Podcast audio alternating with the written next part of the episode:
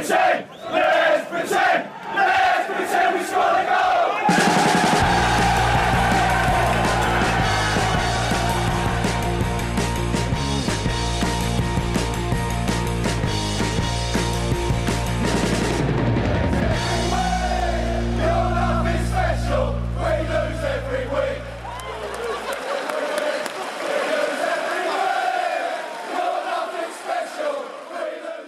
Ja, Sportbladets Premier League-podd eh, tillbaks igen den här veckan utan någon Premier League-omgång men eh, däremot en rapport ifrån den andra vågens Europa. Eh, Frida Fagerlund, Lockdown 2, hur går det så här långt? Vem vinner? Ja, nej, men allt är som eh, det brukar i second lockdown här. Jag försöker ju, jag, jag lät ju så otroligt miserabel eh, märkte jag eh, Jo, i, i inledningsvis på det förra avsnittet. Det var inte ens meningen, jag vet inte var den utläggningen kom ifrån. Men den här veckan är ju ändå min födelsedagsvecka så att nu måste jag vara på lite bättre eh, humör tycker man trots att det kommer inte bli det firandet man kanske hade föreställt sig för eh, ett år sedan. Men eh, ja, man eh, kämpar på och är glad ändå. Ja, eh, ska vi gissa åldrar här nu? Nej, ska vi absolut inte göra. Ska inte gissa åldrar. Gå okej, vidare. skiter vi det. Vi går vidare därifrån. Ehm, ja, jag kommer ju få fira min 40-årsdag under den här eh, pandeminedstängningen. Det känns ju deppigt. Eh, men eh, det, så är det. Det finns de som har det värre. Ja. Ehm, Kalle, du är med från Västerås. Där har ni ingen lockdown va? Nej, eh, bara lokala restriktioner men det är ju... Ja, det är ju...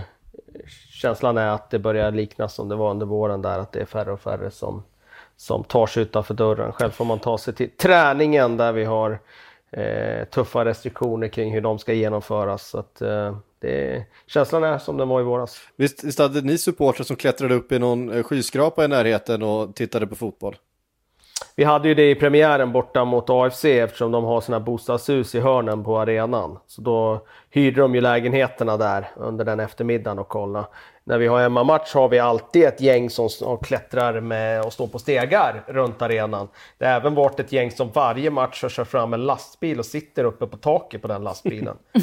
eh, så att eh, vi har haft eh, ett gäng fans i varje match faktiskt. Grönvit passion. Ni fick väl, ha, ni fick väl lite, lite supportrar på läktaren där någon eftermiddag också va? Ja, vi har väl nästan publikrekordet den här säsongen med tanke på att vi, vi fyllde arenan med 300 entusiastiska supportrar när vi mötte Trelleborg hemma här för några ja, men vem hade inte velat gå på den matchen? CTFF, ja precis. Vallfärdade hela vägen nerifrån TFF-land bara för att inse att det var utsålt.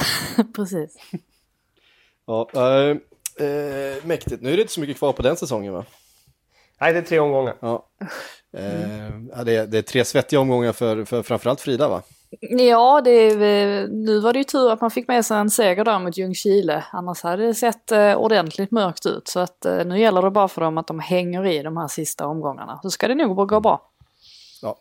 Vi, som, vi som främst höll, följer Premier League då, vi håller såklart tummarna för TFF och VSK den här avslutande omgången. Det är såklart inte alla som kommer göra, men det, tyck, det är min uppmaning. Det har spelats landslagsfotboll den senaste veckan. Sverige har eh, blandat och gett lite grann, eh, kan man säga. Det har väl England också gjort och det är väl det landslaget vi framförallt ska koncentrera oss på här. Ehm, mycket diskussion inför helgen om eh, Jack Grealish. Har haft en kanonstart på säsongen i Aston Villa. Har ju inte varit en favorit hos Gareth Southgate som ju har liksom spelat Mason Mount framförallt. På den positionen, det är ju hans guldgosse som han på något sätt haft med sig från U21-landslaget. Eh, en oerhört märklig intervju gjorde han där han på något sätt antydde att det var Aston Villa-supportrar som eh, försökte eh, applicera någon slags sociala medier eh, påtryckningar för att Grealish skulle ta sig ut i startelvan. Eh, och inte det faktumet att han faktiskt har startat säsongen väldigt bra. Eh, det var märkligt Frida. Eh, sen fick han starta och eh, han gjorde det väldigt bra. Ja, jag tror att jag har en liten annan take på hela den här Grealish-grejen än vad andra har. Eh, och jag har diskuterat detta också väldigt flitigt med eh, en engelsk vän och kommit fram till att nu börjar England eh, var precis som de brukar vara. Att, eh, ja men dels det här med att det är lite kris, alltså krisstämpel eh, över alltihopa. Med Det gillar de ju. Ja, nej men precis. Alltså, de krossade ju trots allt Irland ganska bekvämt där i träningsmatchen först.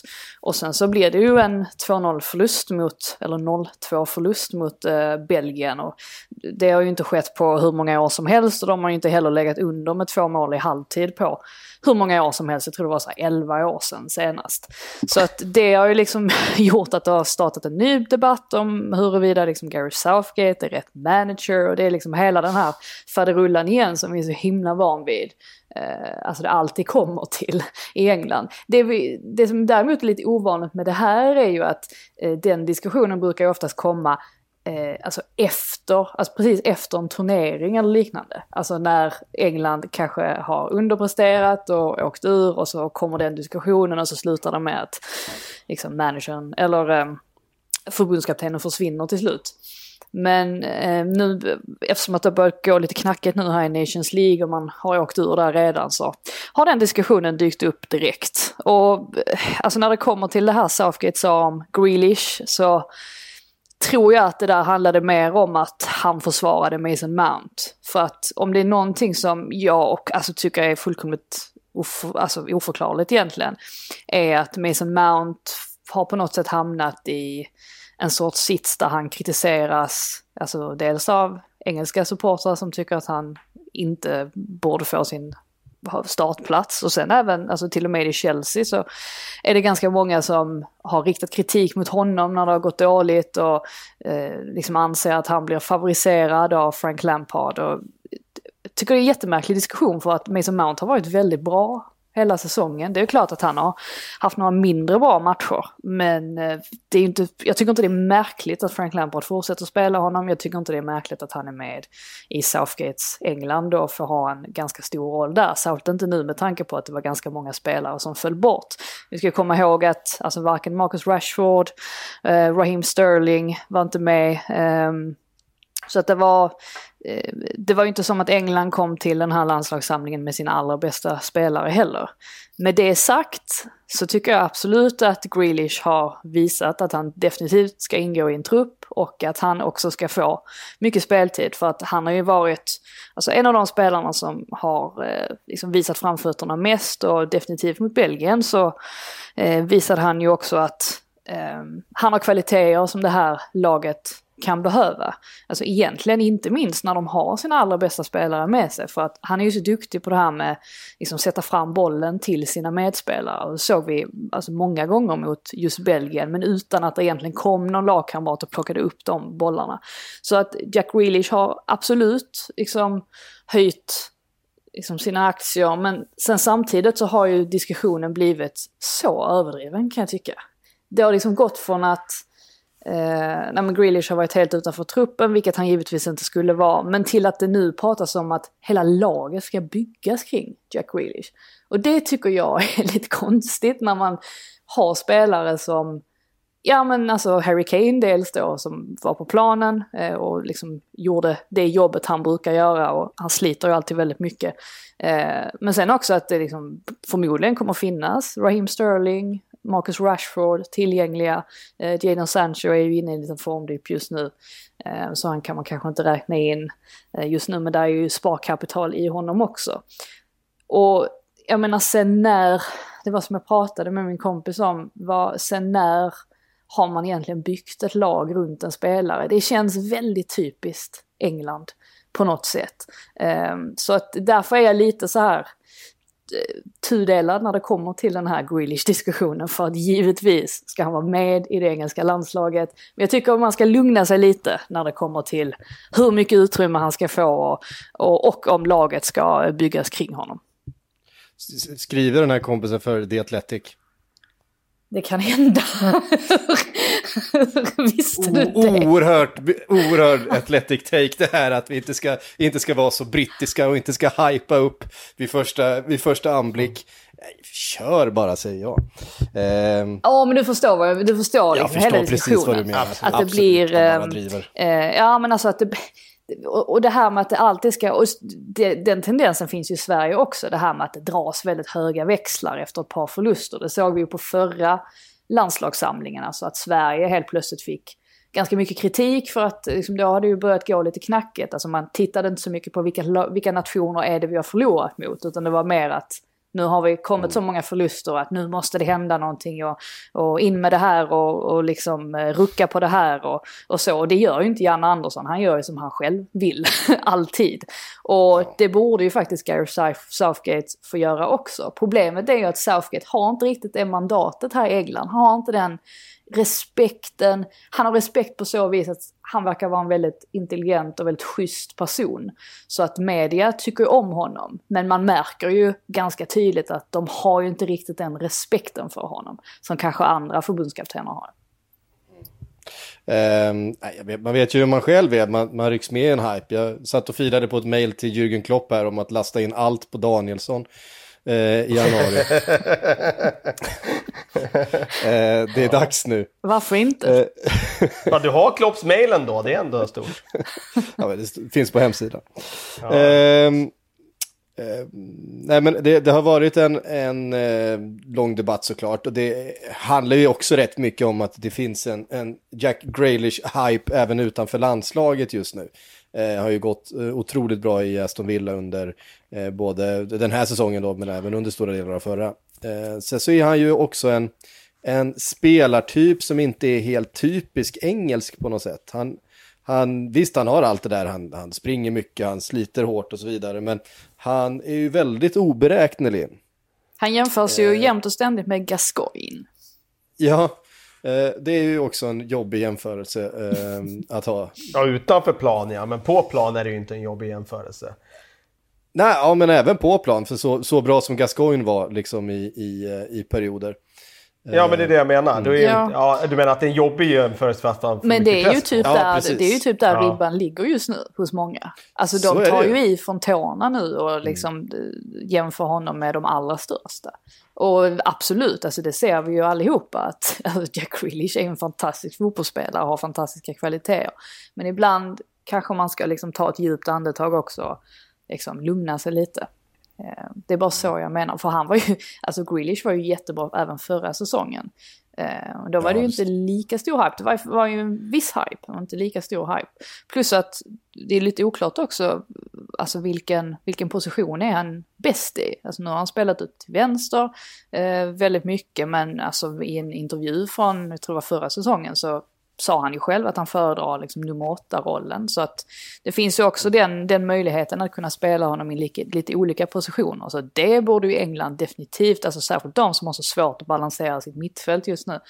Där borde de ju definitivt dra stor nytta av honom tycker man. Ja, alltså frågan blir ju också då, nu spelar ju Southgate med sin eh, trebackslinje. Eh, helt enkelt för att... Ja, den får han skrota tror jag. Jag tror han kommer skrota den. Tror du han kommer göra det? Ja, det har tror jag. De, har han backar som han litar på då? jag är inte så jävla säker på det. Alltså, det är därför han spelar tre, för att han inte litar på dem där bak när han spelar fyrback. Jag tror det beror på, jag tror det beror på motstånd. Um, I så fall, för att han, han har ju haft en tendens, han övergav ju ändå trebackslinjen ett tag. Och sen så var det väl alltså någon setback, om det var kanske matchen mot Tjeckien Tjeckien eller något sånt. Där han återgick då till eh, trebackslinje efter det. Jag tror att han liksom i det långa loppet, alltså långsiktigt sett så tror jag att han kommer spela med en fyrbackslinje. Jag tror också att eh, hela laget får ut mycket mer alltså av, av det systemet, alltså 4-3-3. Just nu så ser det ofta väldigt, um, ja de får liksom inte riktigt till balansen där alltså med, mellan mittfält och, uh, och anfall, alltså på riktigt det sättet man man vill få, sättet de borde få. Om man tittar på kvaliteten, i, liksom, om man bara lyfter ut de, de helt tittar bort från positioner och bara lyfter ut de 20 bästa engelska fotbollsspelarna just nu så kommer ju liksom 18 av dem att vara väldigt offensiva. Eh, så ser ju liksom begåvningsfördelningen ut just för stunden. Och noll kommer vara mittbackar. Ja, noll kommer vara mittbackar. Eh, ja, du kommer ha en hel hög med högerbackar, men ingen av dem, ja, en kommer vara bra på att försvara, det är Fambisaka. Um, ehm, och det är ju liksom, um, den här trebackslinjen känns ju som att man sätter uh, jag vet inte.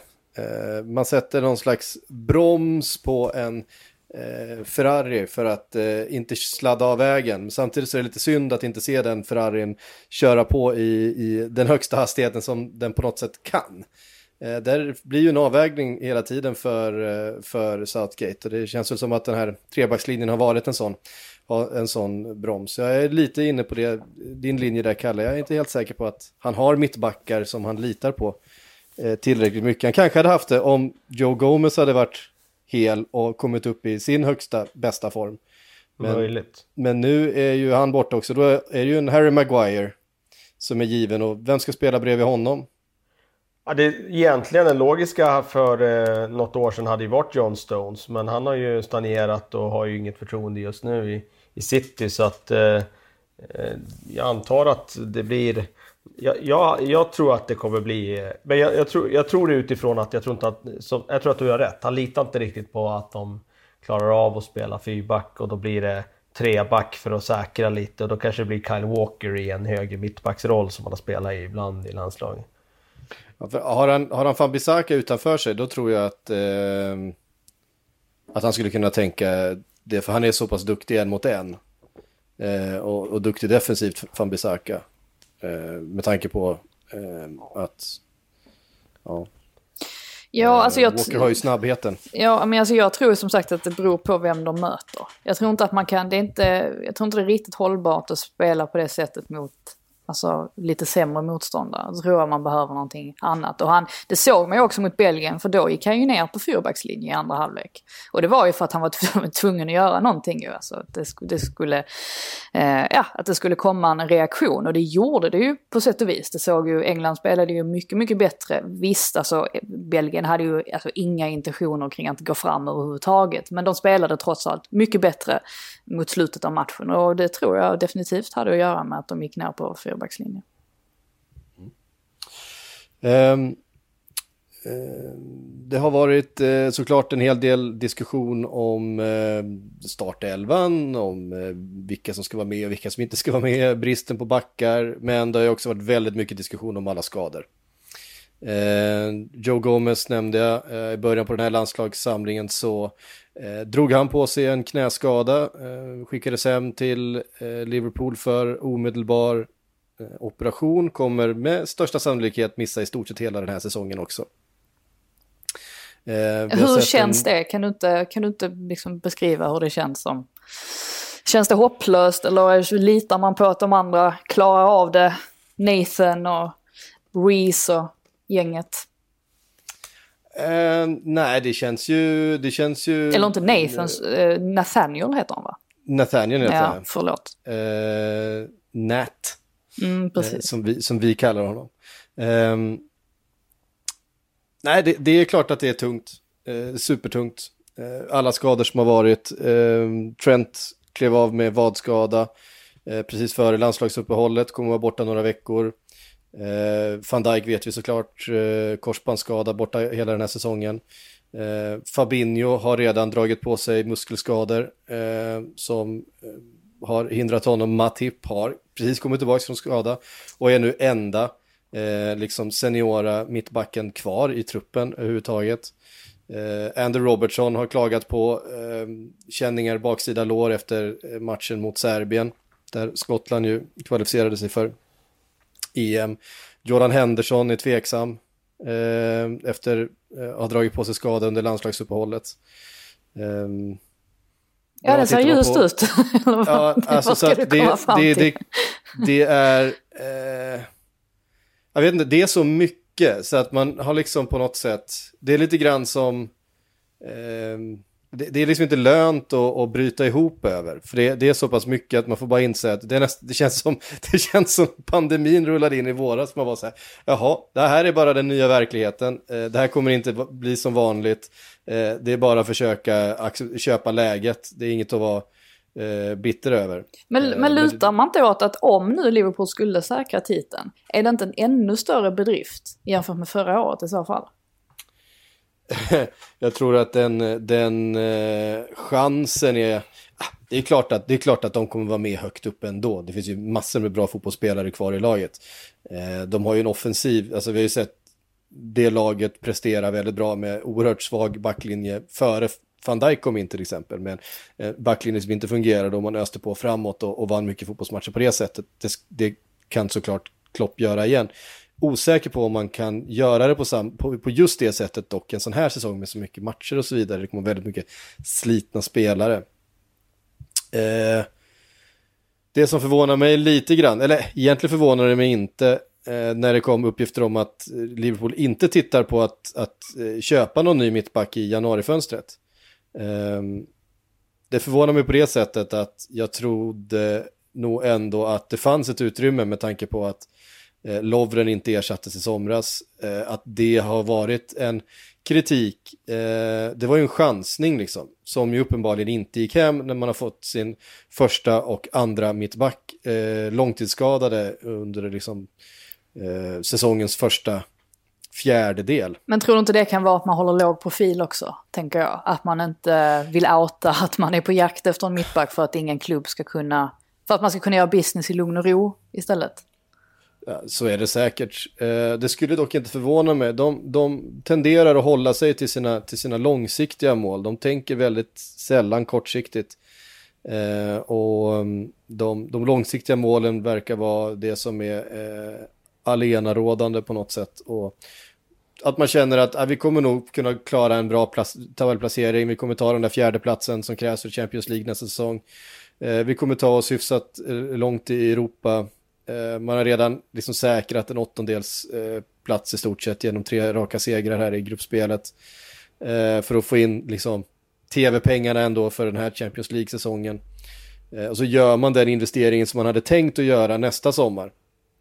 I då en, en mittback, typ en Upamecano eller någonting som man identifierat som då en, en, en riktigt bra, ung, eh, spelare som ska liksom gå in och förbättra det här laget. Eh, och det har nog varit den långsiktiga planen och det skulle inte förvåna mig ifall de håller fast vid den, för att det brukar de göra. Eh, och det brukar inte spela så stor roll hur mycket man skriker på Twitter eh, om det. De brukar göra som de vill ändå.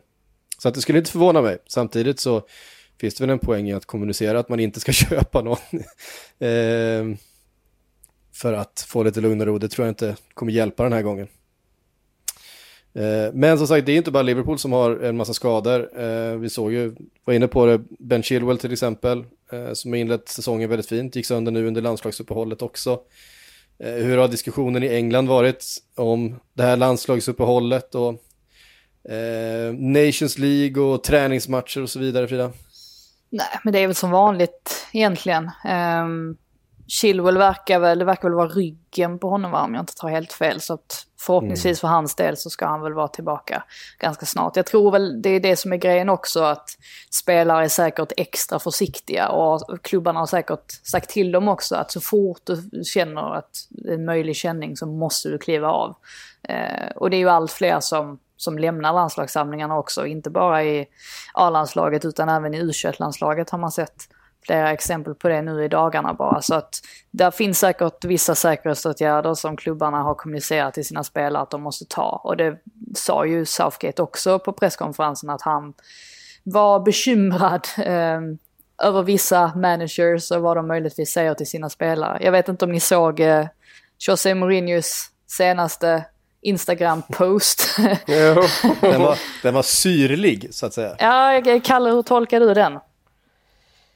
Nej, men han är ju, han är ju alltid genomtänkt i det han gör. Han gör ju aldrig någonting som inte är oerhört strategiskt uttänkt. Så att eh, han har väl någon agenda med det där. Eh, och han brukar ju ofta ha, och även om han kör de här lite, Som vi har konstaterat förut, de här lite mobbningsaktiga eh, grejerna så brukar han ju faktiskt, han har ju ofta någon poäng med den Oavsett om man klagar på domare eller spelschema eller något där, så jag tycker faktiskt att oftast har han faktiskt någon poäng med, med det han eh, basunerar ut. Jag håller med, faktiskt.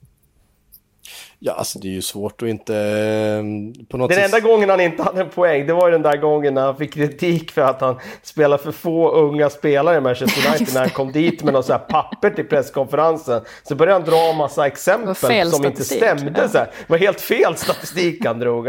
Som den har spelat så många matcher visade sig att det stämde inte alls. Och han hoppade in där och så var det en massa spelare som hade hoppat in i 89 minuten och sånt där liksom. Ja. Han har åtminstone aldrig anklagats för matchfixning. Nej, det ska vi eh, verkligen föra till böckerna. På tal om. Eh, absolut ingenting. Den är, den är magisk. Ja. Ehm, nej, men det, det, det har ju liksom stötts och blötts, eh, det här matchschemat. Det är väl ingen som... ehm, eh, ingen som tycker om det egentligen, men eh, Eh, man måste komma ihåg att, att förbunden lever på de här matcherna och förbunden behövs också.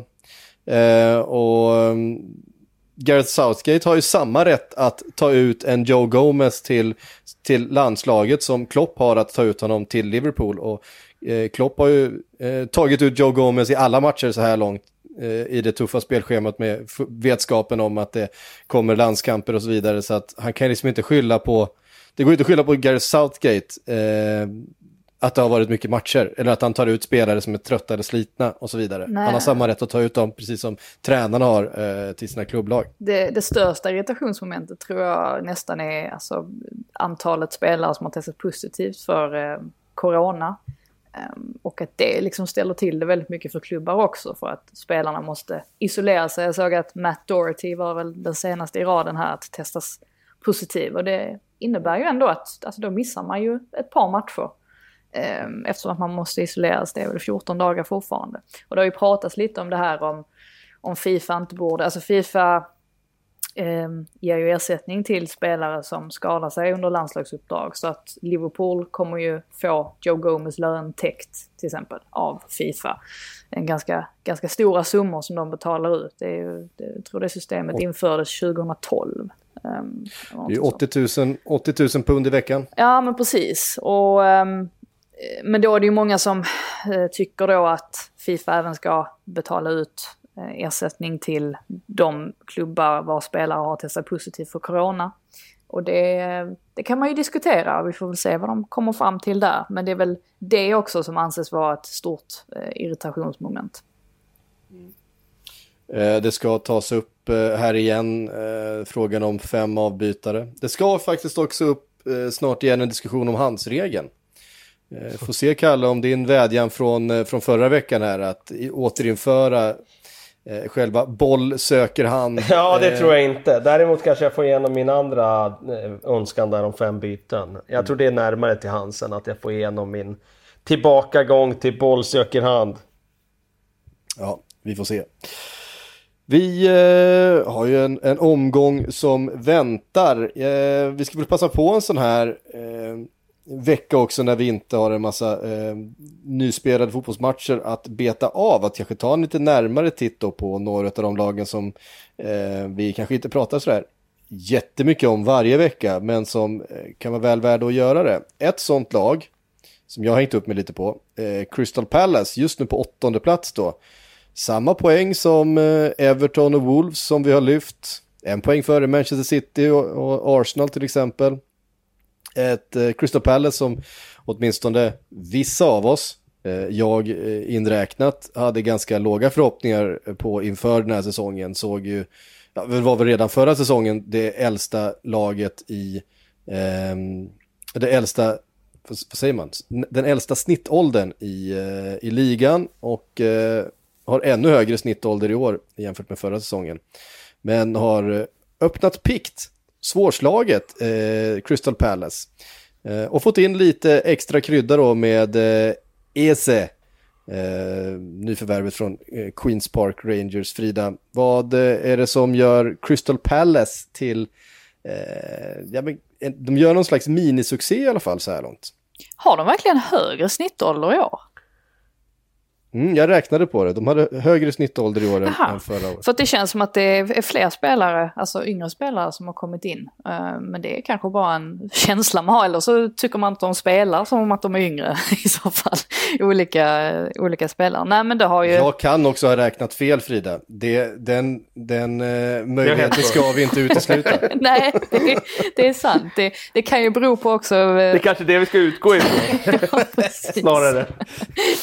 Nej, jag, Jag har däremot räknat på det kan jag, kan jag Ja. säga. Nej, Fortsätt med din tes. Ja, nej, men jag, jag tänker ju liksom att alltså just uh, Tyreek Mitchell som har fått en del speltid, han är ju ung, vad är han, 21 eller någonting sånt.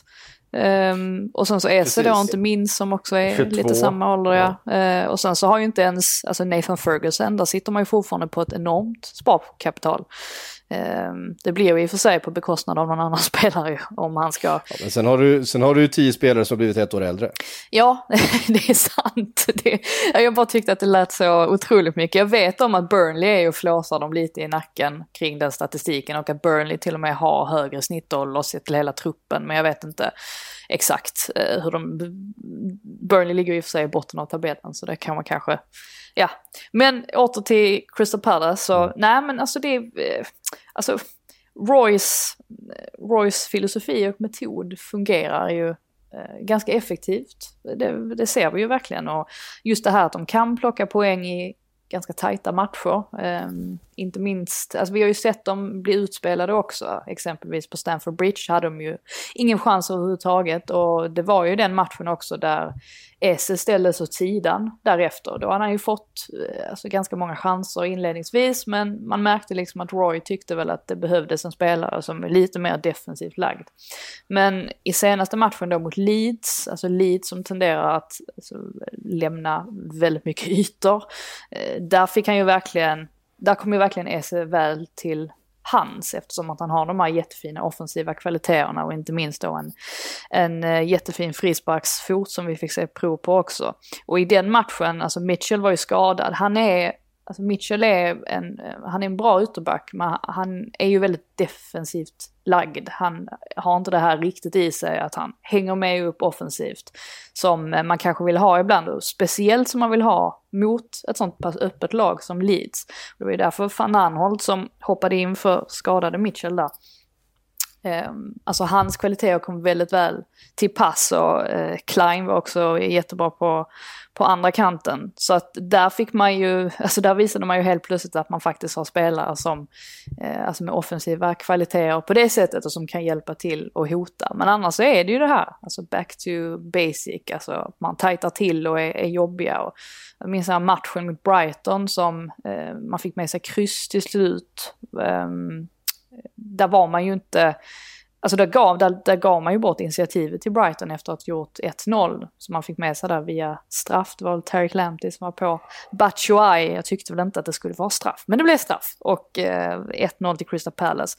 Och detta var ju tidigt i matchen. Sen efter det så bara backar de hem och så står de i princip och väntar på att slutsignalen ska komma. Och så lyckas ju Brighton få in en kvittering. Så att i vissa typer av matcher så kan man ju inte säga att det kommer att vara ett hållbart sätt att spela på. Och det finns ju ganska många utmaningar också för Palace i form av alltså kontraktssituationen. Jag tror de har 12 spelare vars kontrakt går ut i sommar. En sån grej måste man ju fixa. Roy är ju alltså still going strong men han är trots allt 73 bast. Hur länge orkar han till? Så att det finns ganska många saker att reda ut för Crystal Palace. Men eh, alltså, samtidigt ser det ut som det gör så här, så ligger man så pass högt i tabellen så finns det ingen anledning att göra sig av med Roy till exempel, som det har pratats om ändå en, en del med tanke på den typen av filosofi och om han verkligen är rätt man att leda klubben framåt. Mm, alltså, hur mycket har Roy Hodgson kvar i sig, Kalle, tror du? Ja, det är ju frågan. Han är en riktig journeyman som har gjort sina år runt om i världen och han verkar ju fortfarande vara eh, tillräckligt pigg för att klara pressen och stressen och allt vad det innebär att vara liksom, manager i Premier League. Det är imponerande. Jag menar 73 år, det är konstigt att inte hjärtat stannar på karln. Eh, för jag menar Ferguson som också var eh, liksom samma typ av eh, kunde ryta till ibland. Han fick ju pacemaker, det var ju ganska många år kvar av hans Premier League eh, eh, eh, när han fick pacemaker där.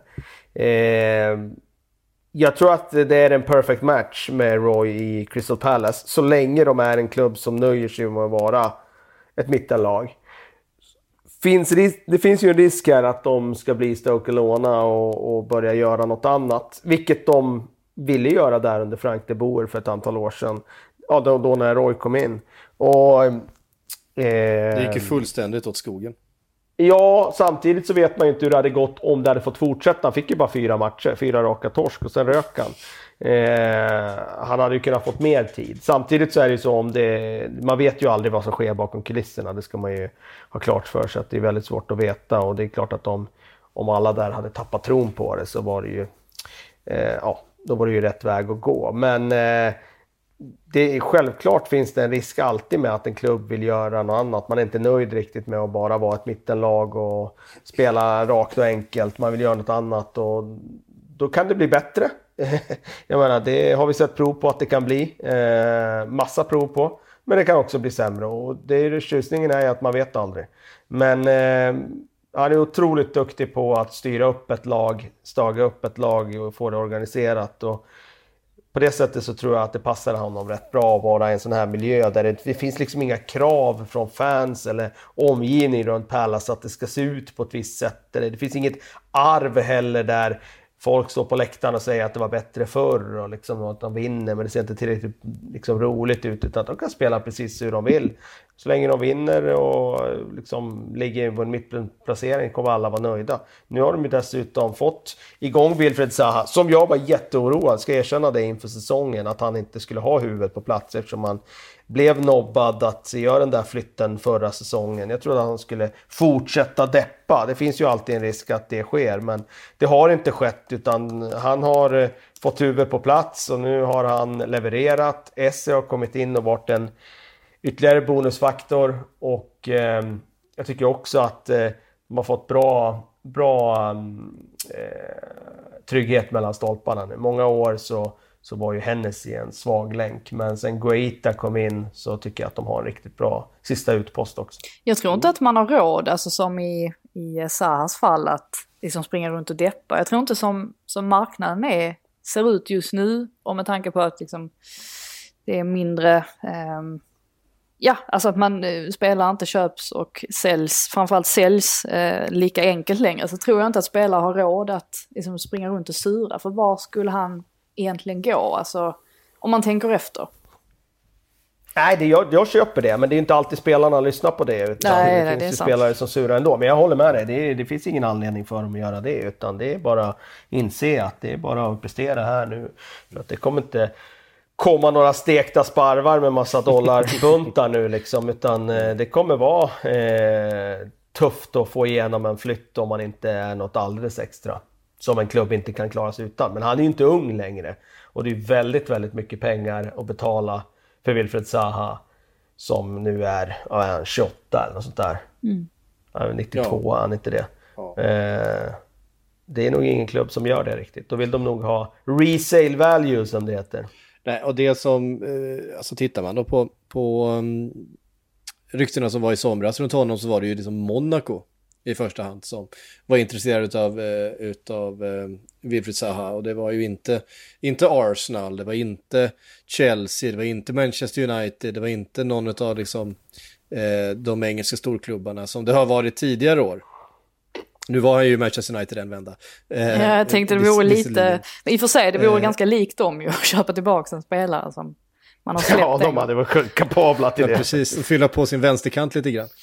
Ehm, men, eh, men det är ju inte de klubbarna längre som det pratas om heller eh, med Wilfried Zaha och det har, har väl ganska mycket med eh, återförsäljningsvärdet att göra helt enkelt. Köp, den, som, den som ger honom det här eh, tre eller fyra eller femårskontraktet härifrån, eh, då är det ju spelaren under de kontraktsåren som man är ute efter, inte att eh, få tillbaka pengarna man har betalt för honom. Och då vill de kanske inte alltid betala den där premiumen som en, en klubb som Crystal Palace kan kosta på sig att sätta då på en, på en stjärna. De är inte ett akut behov av pengar. Eh, framförallt inte sen man sålde eh, Fan Bissaka för mycket pengar då för en och en halv säsong sedan. Alltså ska det sägas där att eh, om man tittar på centrala mittfältet i Pallas, Ridevald, MacArthur, så tror jag det de flesta lagen i Premier League har nog bättre centralt fält än så. Mm. Och det, då menar jag inte att de är dåliga, utan mer att de andra lagen har spelare som är bättre. Eh, de allra flesta.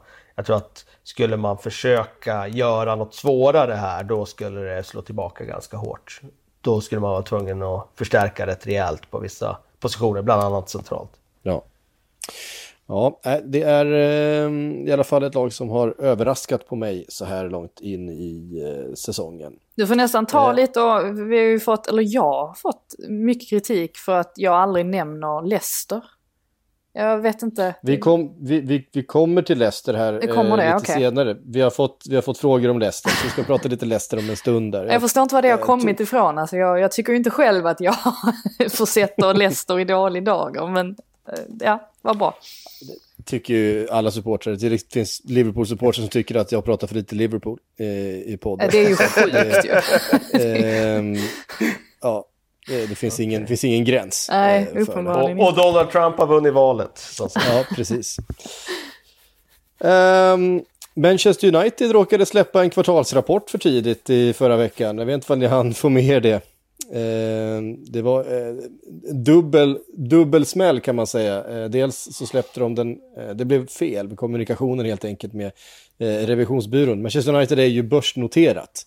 Eh, så därför måste de då släppa de här kvartalsrapporterna. Eh, det Eh, är ju inte alla andra lag som är det på samma sätt. Eh, men revisionsbyrån då i förra veckan eh, råkade släppa den här kvartalsrapporten en dag för tidigt och då kastade sig såklart alla journalister över detta.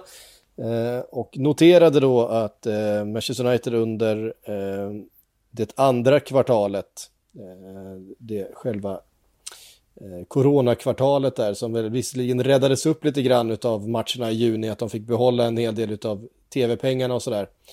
Eh, trots allt då gick med 300 miljoner i förlust. Eh, och det är ju pengar det också, så att säga. Det var... Ja, framförallt när de är vana att ha gjort så stora vinster tidigare. Ja. Just själva 300 miljoner kan de ju överleva, men eh, man är ju van att de presenterar andra typer av siffror. Ja, Nej, det var en, det var en, eh, en rejäl smäll helt enkelt och det, det, det vittnar ju om att eh, det ser ungefär likadant ut hos de andra klubbarna också, såklart. De som vi inte får samma kontinuerliga insyn i då, som inte eh, är börsnoterade på det sättet. Um, och eh, ja, det var i alla fall en, en indikation. Vi ska faktiskt prata mer om eh, corona och fotboll och pengar i den här veckans slutelvan. Um, då kommer det bli mycket mer, dels om Manchester Uniteds eh, kvartalsrapport, men också om eh, vad eh, de här landskamperna då betyder för, för förbund och för, för Uefa och Fifa och så vidare. Eh, och eh, hur mycket eh, det här kommer påverka eh, januarifönstret framöver och så vidare. Så det blir mycket mer fokus på det. Eh, I, på fredag spelar vi in det, nästa slutelva, så då vet ni det. Um, Kalle, du uh, fick en uppgift för mm. en liten stund sedan. Här. Eh, att, ta, ta, att ta ut en elva. En del av er hatar när vi tar ut elver. Vi gör ju inte det så ofta längre faktiskt. Ett, ett tag gick det, det gick lite inflation i att ta ut elver på olika... Det jag håller med, eh, det är ju värdelöst. Alltså det är ett värdelöst koncept. Oftast tog vi väl ut dem på, eller på begäran av läsarna. Jag är väldigt svårt att Absolut. minnas så finns, att det var vi, finns ju en, idé. Det finns ju en kategori eh, lyssnare som tycker att det är väldigt kul. Och ja. de gillar ju att skicka in den frågan. Så ja. att, eh, eh, men nu, nu har vi alltså, eh, eller har du, Kalle, tagit ut en, en elva bestående av spelare från Premier League då, men utanför Big Six-klubbarna. Eh, alltså Manchester United, Manchester-lagen, Liverpool, Arsenal, Tottenham och Chelsea. Eh, och Frida, du har i samma veva lovat att såga hela den här eh, exercisen. ja, men det, så det, ser oerhört mycket fram emot. Ja, det, det ska bli under, under förutsättning att det finns spännande. någonting att såga förstås. Det är ju inte säkert. Mm. Nej, men det, det, finns det alltid. Det är bara att hugga. Mm. Eh, men jag drar elvan då. Ja, men kör på. Eller ska jag börja med målvakt? Och vi, tar, vi tar position för position då. Och så får Frida bara såga helt enkelt. Ja, precis. Ja, ja. Du, jag lutar mig tillbaks. Det är fritt fram för dig också. Syk. Du kan hoppa in också och ta fram sågen. Ja. Jag börjar med målvakt då. Emmy Martinez har jag satt som målvakt. Ja, det kan man väl Eh, köpa. Aston Villa. Mm, ja, men det köper man. Absolut. Det var inte mycket sågning där. Vad fan, kom igen Nej, men alltså, jag, jag tycker överlag att det var ganska... Alltså, jag tycker överlag att det var ganska låg standard på målvakter. Alltså generellt. Så att Ja, jag, nej, jag köper det är inte det. många som har stuckit ut. lite och så. Så att, Nej. Ja, men jag går vidare då. Jag, jag formerar en 4-4-2, det gillar ju du Patrik. Eh, Stämmer. så att, Du och Roy. ehm, ja, precis. Eh, högerback tar jag Tarek Lamptey. Eh, kanske jag dippar lite efter den här bländande starten, men man får ändå säga att starten var så otroligt bra så att eh, han, i min värld så, så är han fortfarande etta där och den som har stuckit ut mest utanför Big Six. jag tänker ju aldrig säga emot att Terry Clamp är med i en startelva. Sen kan jag ju, eh, alltså en sån som Walker Peters kanske är värt att Ja. nämna också i sammanhanget. Ja, som backup. verkligen. Det var de två jag valde mellan. Det hade ju varit roligare om jag tagit Åke Peters så du hade fått hoppa in och såga mig. nu tog jag Lamptey. Då hade Frida gått upp i falsett. Ja, precis. Eh, mittback då, Fofana Leicester. Ja, lätt. Eh, Ja, given. På en plats där. Och så nästa mittback, där vet jag, när det gäller Fofana visste jag att jag inte skulle få några protester. För där har vi varit rörande överens om att han har varit en succé hittills. Eh, sen är det en personlig favorit som jag, som sagt, jag var inte så jäkla förtjust i honom förra året. Men jag tycker nu när jag sett honom i höst, jag kollar rätt mycket på Southampton. Eh, jag gillar sättet de spelar på och jag tycker Västergård har varit jättebra eh, i Southampton. Så jag har gett honom en tröja här. Cody hade jag haft som eh, möjlig. Nu spelar de ju visserligen trebackslinje men eh, jag tycker han har gjort det. Han har varit bra också, han har varit bra också när han har fått chansen i, i landslaget. Och i Monday Night Football har han varit bra också. Han är en skön karaktär. Ja, det får man säga. Verkligen. Nej, men det köper jag. Det är, man skulle absolut kunna haft honom eh, där. Men ehm, Det som är kul med Västergård är att han är väldigt lång. ja, det gillar ju- långa, långa målvakter och långa mittbackar. Ja, Ja, sen vänsterback där. Det var ju ditt förslag Syk. För jag, jag meddelade ju till er det här eftersom jag fick typ 3-4 minuter på mig att ta ut den här elvan innan, Ja. innan avslutet skulle börja. Så sa jag, hojtade jag ju precis innan avslutet skulle börja att jag saknar vänsterback. Men Kastang är ju, alltså det är ju såklart. Det, det, det, jag kan inte se att det finns någon annan som slår ut honom där. Leicester. Nej, jag tycker inte heller. Jag var ju inne där på eh, Tyreek Mitchell har ju gjort det bra i, i Crystal Palace. Men det, du, du svarade mig där i vår tråd Frida att eh, eh, han är ju väldigt defensiv. Han är ju inte lika kreativ eh, och spektakulär som Castagne. Nej, direkt. alltså jag, jag tycker inte att han hade haft lika stor inverkan på, alltså Kastanj har ju liksom, herregud han gjorde ju mål i si- sin första match väl till och med. Alltså han har ju absolut. haft, eh, han har verkligen haft ett finger med i spelet, även om han har eh, varit skadad nu sistone.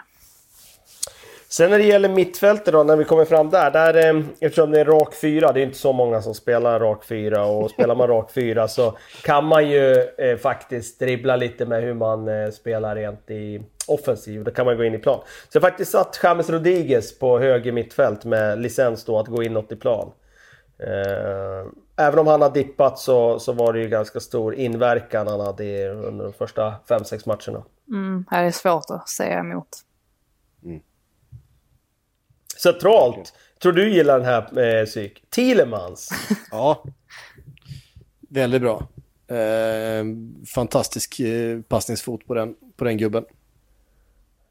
Ja, nej, det är ju en riktigt, riktigt bra fotbollsspelare. Det är ingen tvekan om det. Och det... Eh, ja, jag, jag gick igenom lite lag där och jag, nej, jag tyckte att han kändes bra där. Framförallt när han, ni får, när han får lite, lite tid med bollen. Alltså vissa matcher när det blir väldigt högt tempo kan jag tycka att han eh, inte får ut så mycket. Alltså de, han blir lite nedstängd då, börjar spela lite enkelt och, och, eh, och sådär. Men, men i matcher och i perioder av matcher där han får liksom vända upp verkligen och, och, och styra spelet och använda sin fina blick och sin fina fot, då, då blir han ju väldigt, liksom, eh, mycket mer deltagande och såklart eh, matchavgörande emellanåt. Den andra mittfältaren blir James Ward-Prowse. Ja, helt jag satt och tänkte det, måtte han nu ha valt Ward Prowse. Jag tror, jag tror inte säger one emot det heller. ja, du säger det Syk, men jag vet inte för Nej. tusan alltså. Nej, han kanske var, men inte längre. Eh, den andra kanten där och då blir det ju en sån där ytter som kan gå inåt i plan. Det blir Jack Rillers där då. På vänsterkanten. Eh, jag har svårt att se att någon skulle ha någon invändning kring honom. Eh, så vi kan ju gå vidare direkt där och upp till anfallarna. Och det blir Jamie Vardy den första. Eh, eller första, det är, det är ingen inbördes ordning men jag nämner honom först i alla fall. Inga invändningar? Nej, det är verkligen inte. Det går inte. Och nästa blev, jag valde lite hit och lite dit men det får bli Calvert Lewin. Ja, just det. Everton. Ja, för jag, jag tycker där är ju... Det är som svårast där ändå för att det finns ändå Ja. rätt många aspiranter. Så jag tänker så här Absolut. spontant, Bamford, Ollie Watkins. Ja. Är ändå- Michael Antonio. Ja, jo. Ja, jag radade upp dem eh, och eh, det, det, det går att argumentera för alla de där ni nämner tycker jag. Eh, men Calvert Lewin eh, Ja. Jag håller med dig. Alltså, jag håller med dig. Jag håller med dig. På och gjort mål mot bra lag och så vidare. Nej, ja, det fick bli han. Mm. Så att ja, där var min elva. Det var inte mycket sågning där. Nej, jag, Eller är det mer formationen, valet av 4-4-2 ni ska gå och attackera? Jag vet inte, jag tycker mest att det blir så svårt. Och det är samma alltså när man gör en elva över hela ligan där alla lag räknas in. Jag tycker det, man blir alltid missnöjd i slutändan för då är det någon man har fått tvingas lämna, alltså utelämna och sen så, eh, ja alltså jag vet liksom aldrig riktigt vad man ska köra med för kriterier. Men det här var ju i och för sig lite lättare när man får ta bort de sex lagen ju. Så att, ja, det är bra jobbat Kalle. Ja, det vet jag inte. Men eh, det är lite tjusningen där tycker jag, att man alltid måste utlämna spelare. Annars vore det alldeles för enkelt och då, då tror jag inte det skulle vara någon tjusning med det. Nej, det är Nej, sant. det, det är ganska tuff konkurrens också centralt kan jag tycka. Alltså det, jag tycker, vi håller med om att Thielemans och Ward Prowse har varit väldigt, väldigt bra. Och jag hade nog ställt, men det finns en sån som Allan i Everton till Och exempel. Declan som har varit Rice har ju varit väldigt bra också. Ja, Verkligen. Så att, eh, eh, definitivt. Några som inte har varit bra däremot, något som eh, kommer såra dig lite Frida. Det var när jag var inne på, jag gick in på här statistiksajt och kollade Newcastle. Och då alltså de som har sämst statistik rent statistiskt i truppen i hela Newcastle. Och det innebär alla i truppen som har gjort en enda minut i Premier League. Det är bröderna, Sean Longstaff och Matt Longstaff. Alltså de har sjunkit som två stenar alltså. Det är helt sjukt alltså. På, alltså tänker, ja, men om man tänker tillbaka för exakt ett år sedan nu. De var ju så otroligt heta. Ja. Men eh, hela, jag tycker hela Newcastle är ju, det är inget som är speciellt hett med, med någonting där just nu. Alltså egentligen. Eh, Är det Sam Maximan? ja, men exakt. Ja, men han- har inte heller kommit upp riktigt i nivå den här. Nej, inte i poängproduktion så, men han sticker ut Ja. med sin spelstil. Han, han, han tvingas ju göra allt. Det är lite svårt ibland då att komma Ja. upp i. Han är, han är ju lagets hela kreativa outlet. Ja. Alltså det är ju Ja, verkligen så så. Eh, Allt, allt spännande som ska hända i det laget måste ju han stå för. Jag tycker liksom inte att det är speciellt, alltså liksom materialet jämför liksom med vad Roy har jobbat med. Jag tycker, inte ändå, jag tycker ändå att det finns potential i Newcastle, men det är ju, man får inte ut så mycket av det egentligen. Och sen så, det, är ju mest att de är, de kan vara svåra att bryta ner och de liksom plockar poäng i slutminuterna. Men det, det är ju sällan, det är särskilt stimulerande alltså att se dem spela. Om man. Nej, det är det inte. Men det, jag tror återigen där, alltså, så länge han håller dem på den här positionen i tabellen, då får man nog ändå säga att ja, de gör det som kan förväntas och lite mer. Ja, ja. För truppen är inte bättre. Nej, och det, det är liksom så här att... Ja men visst, det, det är så här habila värvningar, men, men alltså, ja, Callum Wilson, han kommer ju göra ett antal mål, men Ja, han har gjort sex hittills, så det är ju bra. Sex, eh, sex mål på åtta matcher är bra. är jättebra. Eh, men kommer han någonsin vara speciellt spännande att titta på eller eh, bidra med, med så mycket annat? Ja. Eh, Jeff Hendrick, men en habil 3 plus-spelare liksom. Han fick rött kort här under, eh, i helgen tror jag. Jag bara, såg det, ja, jag bara såg det i förbifarten. Jag, tänkte, jag undrar vad han hade gjort nu, men jag glömde att kolla. Mm. Får göra det sen. Men Ryan Fraser, ja men han kan trycka förbi sin gubbe på kanten liksom. Men det händer inte sådär jättemycket mer. Det är en 3 plus-spelare i, i grunden också.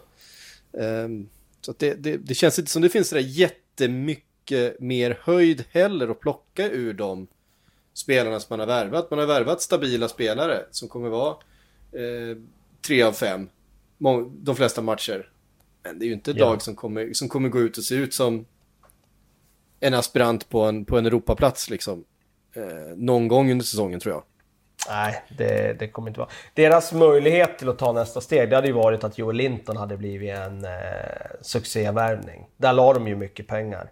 Och när han inte har producerat så... Alltså de har ju inte råd att bara, med Mike Ashley som ägare, de har inte råd att bara skicka ut honom och köpa en ny sån spelare. Utan eh, det var ju där de la pengar och när den inte har fallit så väl ut så... Ja, då står de där de står. Ja, vi, eh, vi eh, släpper Newcastle då och sen så går vi på lite frågor för vi har fått ett helt gäng. Eh, och då tänkte jag vi skulle ta eh, och komma in på Leicester.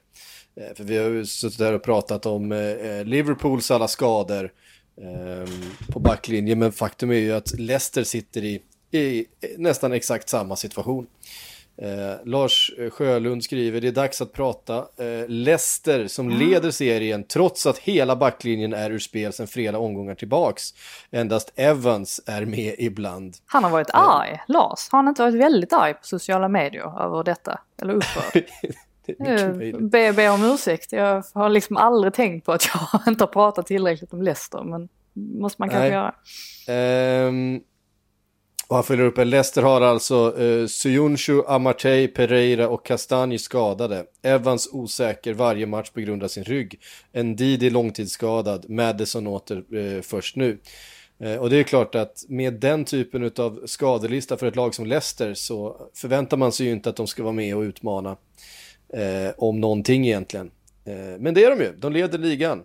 Eh, och de har ju ja men inte framförallt, men i alla fall till stor del att tacka succéförvärvet Fofana i backlinjen där som har klivit in i Syunchus eh, frånvaro och varit eh, nästan felfri. Ja, nej men absolut. Det, Arsenal köpte väl fel mittback där tydligen. Eh, från saint igen. Mm. Eh, han har varit eh, jättebra. Man kan verkligen inte säga att han är 19 år gammal. Det är ju helt otroligt egentligen när man tänker på det. Eh, han är väldigt självklar i, i allting han gör. Så att ehm, absolut, alltså en, en, en del i det här framgångsreceptet är ju definitivt att han har kommit in och, och gjort det så pass bra. Sen eh, måste man ju även eh, påtala att Leicester har alltså fått med sig åtta straffar hittills. Vilket är, alltså det är ju väldigt många får man säga. Och jag menar inte att de inte har förtjänat de straffarna, för det har de. Jag tror inte, den enda som har varit lite kontroversiell var väl den som Max Killman drog på sig eh, i Wolves. Men det var ju en hand så att, alltså det är svårt att reglerna är ju som de är. I övrigt så tror jag inte att man har diskuterat en enda av de straffarna som Leicester har fått med sig. Och, så det visar ju att då, de, de är ju väldigt skickliga på att komma in Eh, bakom backlinjen. Det fick ju inte minst Manchester City känna på eh, när Vardy var i så fin form där. Och samma med att både Castagne då och James Justin inte minst hänger med väldigt mycket framåt. Och, eh, alltså, tror när man kollar statistiken också så visar den ju att de är inne i straffområdet mycket mer än vad man kanske eh, tänker sig att liksom, eh, wingbacks eh, alltid ska vara. Så att det, det är väl många småsaker som gör att de, eh, att de går så bra som de gör. Och sen så inte minst att de, alltså Brendan Rodgers är ju en skicklig tränare. Det vet vi om, alltså vi håller ju honom väldigt högt. Eh, och det gör ju de flesta. Och eh, då har väl han lyckats liksom implementera en ehm, alltså, eh, den här mentala biten i dem också. Att de klarar av att vinna matcher trots att de saknar vissa spelare. Eh, och sen så har de haft lite, lite flyt med sig också som man alltid måste ha. Eh, alltså inte minst så här i Arsenal-matchen. Eh, Fuchs hade ju det jättekämpigt från matchminut ett och framåt. Men ändå lyckas man hålla det ner till 0-0 och sen så kunna byta in Vardy med en halvtimme kvar och sen så vinner man matchen. Så att det är mycket som har gått, eh, gått deras väg, absolut. Ja, eh, men sagt så har de ju eh, förutom backlinjen såklart ett, eh, ett väldigt bra lag. Eh, det finns kvalitet på, eh, på de flesta positioner i det där laget. Eh, och inte bara i en startelva utan det finns viss, viss kvalitet på, på bänken också. ja, och det säger väl någonting också om hur, hur framgångsrika de har varit när de har byggt den här truppen över, över tid. Mm. För att att de har gjort det eh, utan att ha sådär överdrivet mycket pengar. De har ju liksom på något sätt skapat sin egen ekonomi genom att sälja spelare. Mares, Kanté, alla de här spelarna Chilwell. som de har skickat Chilwell nu senast.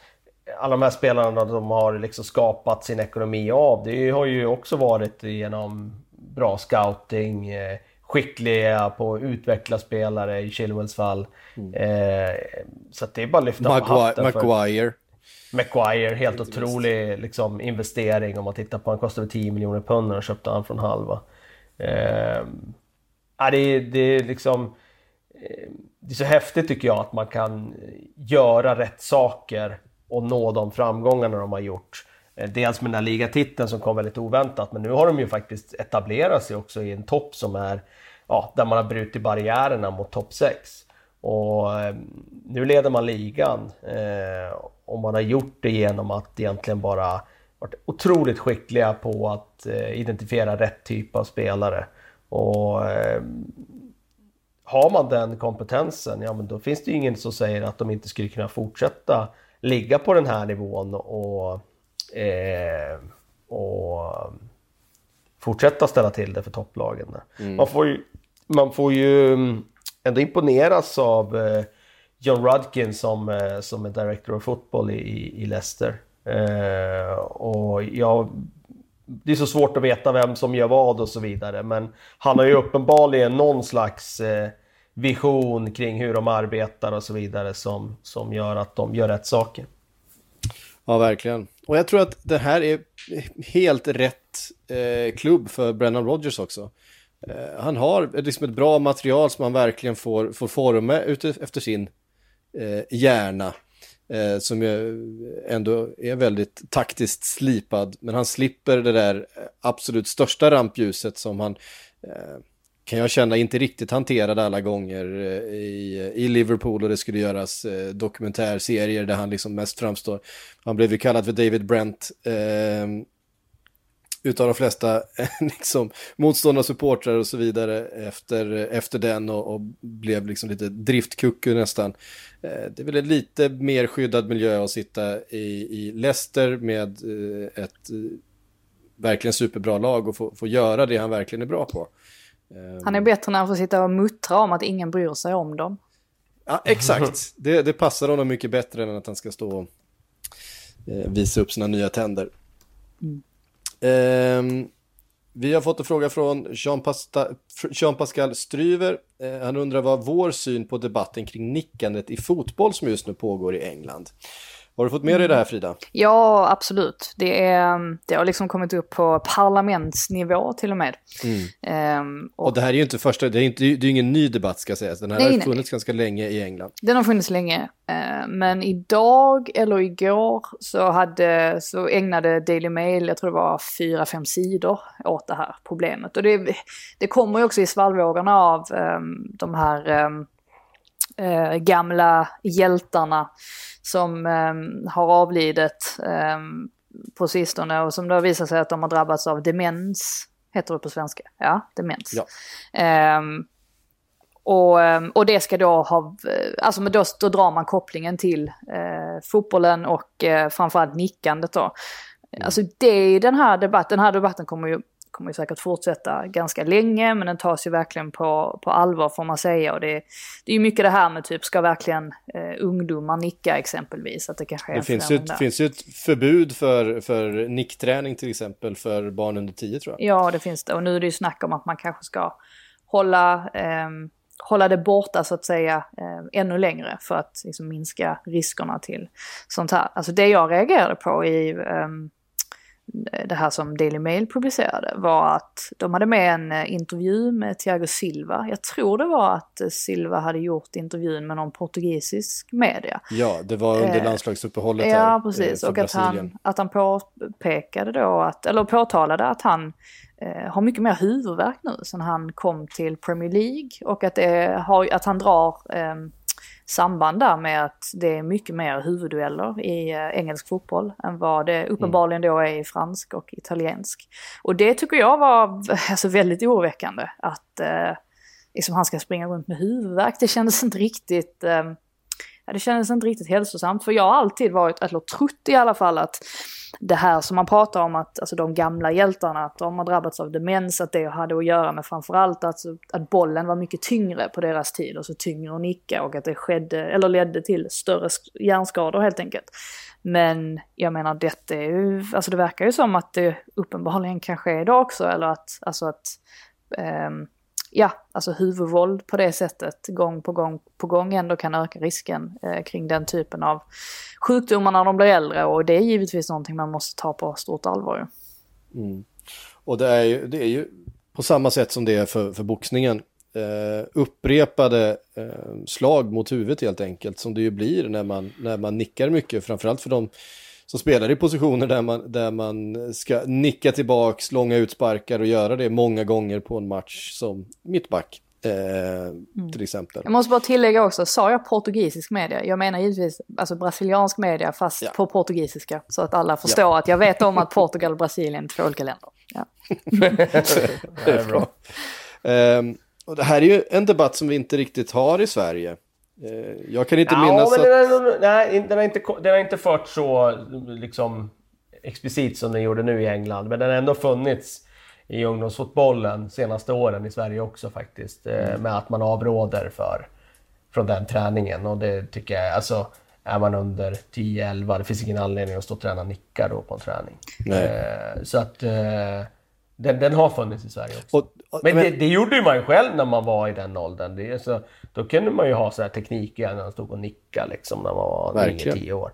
Och ja, det kanske säger någonting om dig och mig psyk. Det är därför det står slint, det står slint ibland nu för tiden. Liksom. Ja, ja nej, jag, alltså, alltså jag, minns, jag ska bara säga, jag minns faktiskt att jag för några år sedan, det kan ha varit mitt första år på Sportbladet, så gjorde jag en längre grej om det här. Alltså nicka, nickförbud alltså inom fotbollen. Och jag är nu lite av samma uppfattning som dig psyk, att det tar inte riktigt på samma typ av allvar i Sverige som det gör här borta. Alltså det, jag, jag upplevde inte det som att man ser det som ett särskilt stort problem i Sverige. Vilket är lite förvånande ändå att det kan vara så olika beroende på var man befinner sig.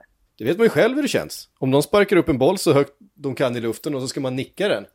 Då fan gör det ont alltså.